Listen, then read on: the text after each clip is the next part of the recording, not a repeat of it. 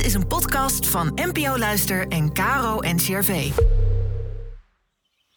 Welkom bij de Kloostercast. De podcast met antwoorden op alledaagse levensvragen vanuit de kloostertraditie. Inspiratie voor je dag.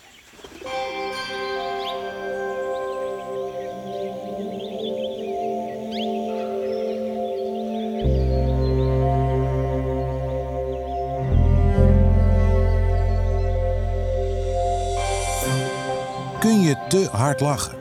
Ja, volgens Maria van Mierlo. Zij is Cisterciënserleek en leeft al 20 jaar vanuit de regel van Benedictus. Zij vertaalt eeuwenoude kloosterwijsheid naar de wereld van vandaag.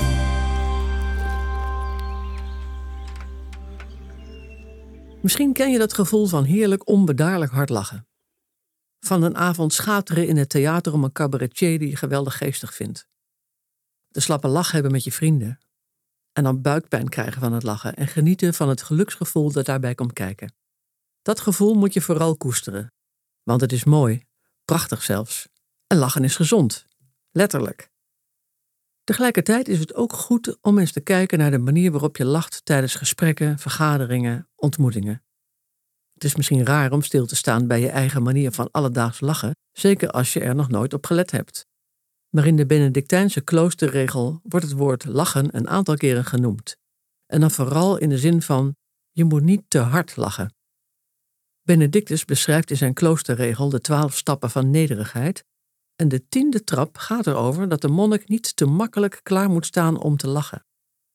Hij neemt dat op omdat er in de Bijbel staat dat de dwaas het uitschatert als die lacht.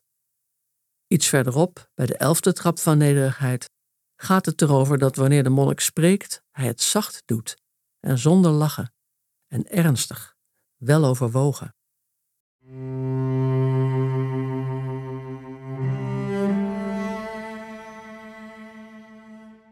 De monnik, zegt Benedictus, zou er niet van moeten houden om voortdurend of luidruchtig te lachen.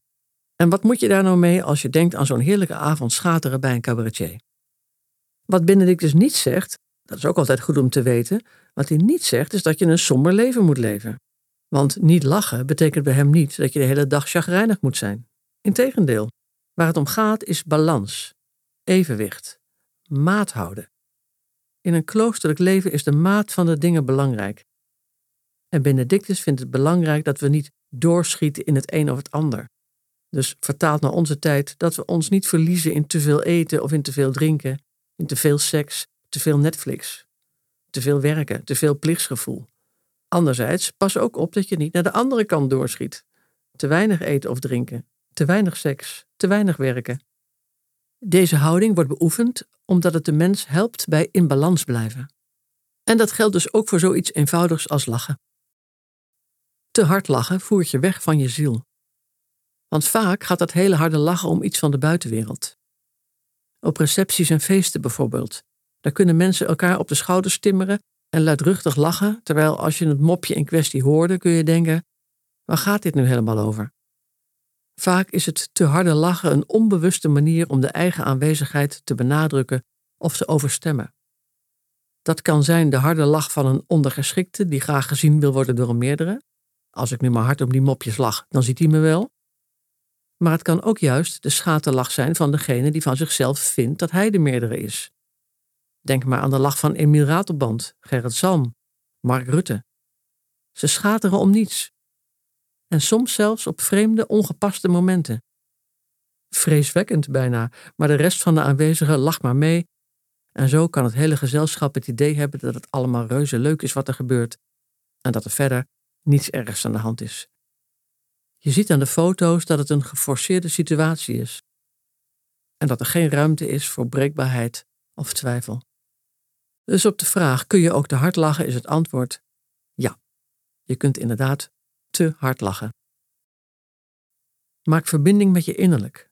Leef van daaruit. En doe alles op zijn tijd en naar de juiste maat. Dan gaat alles anders. Zelfs het lachen.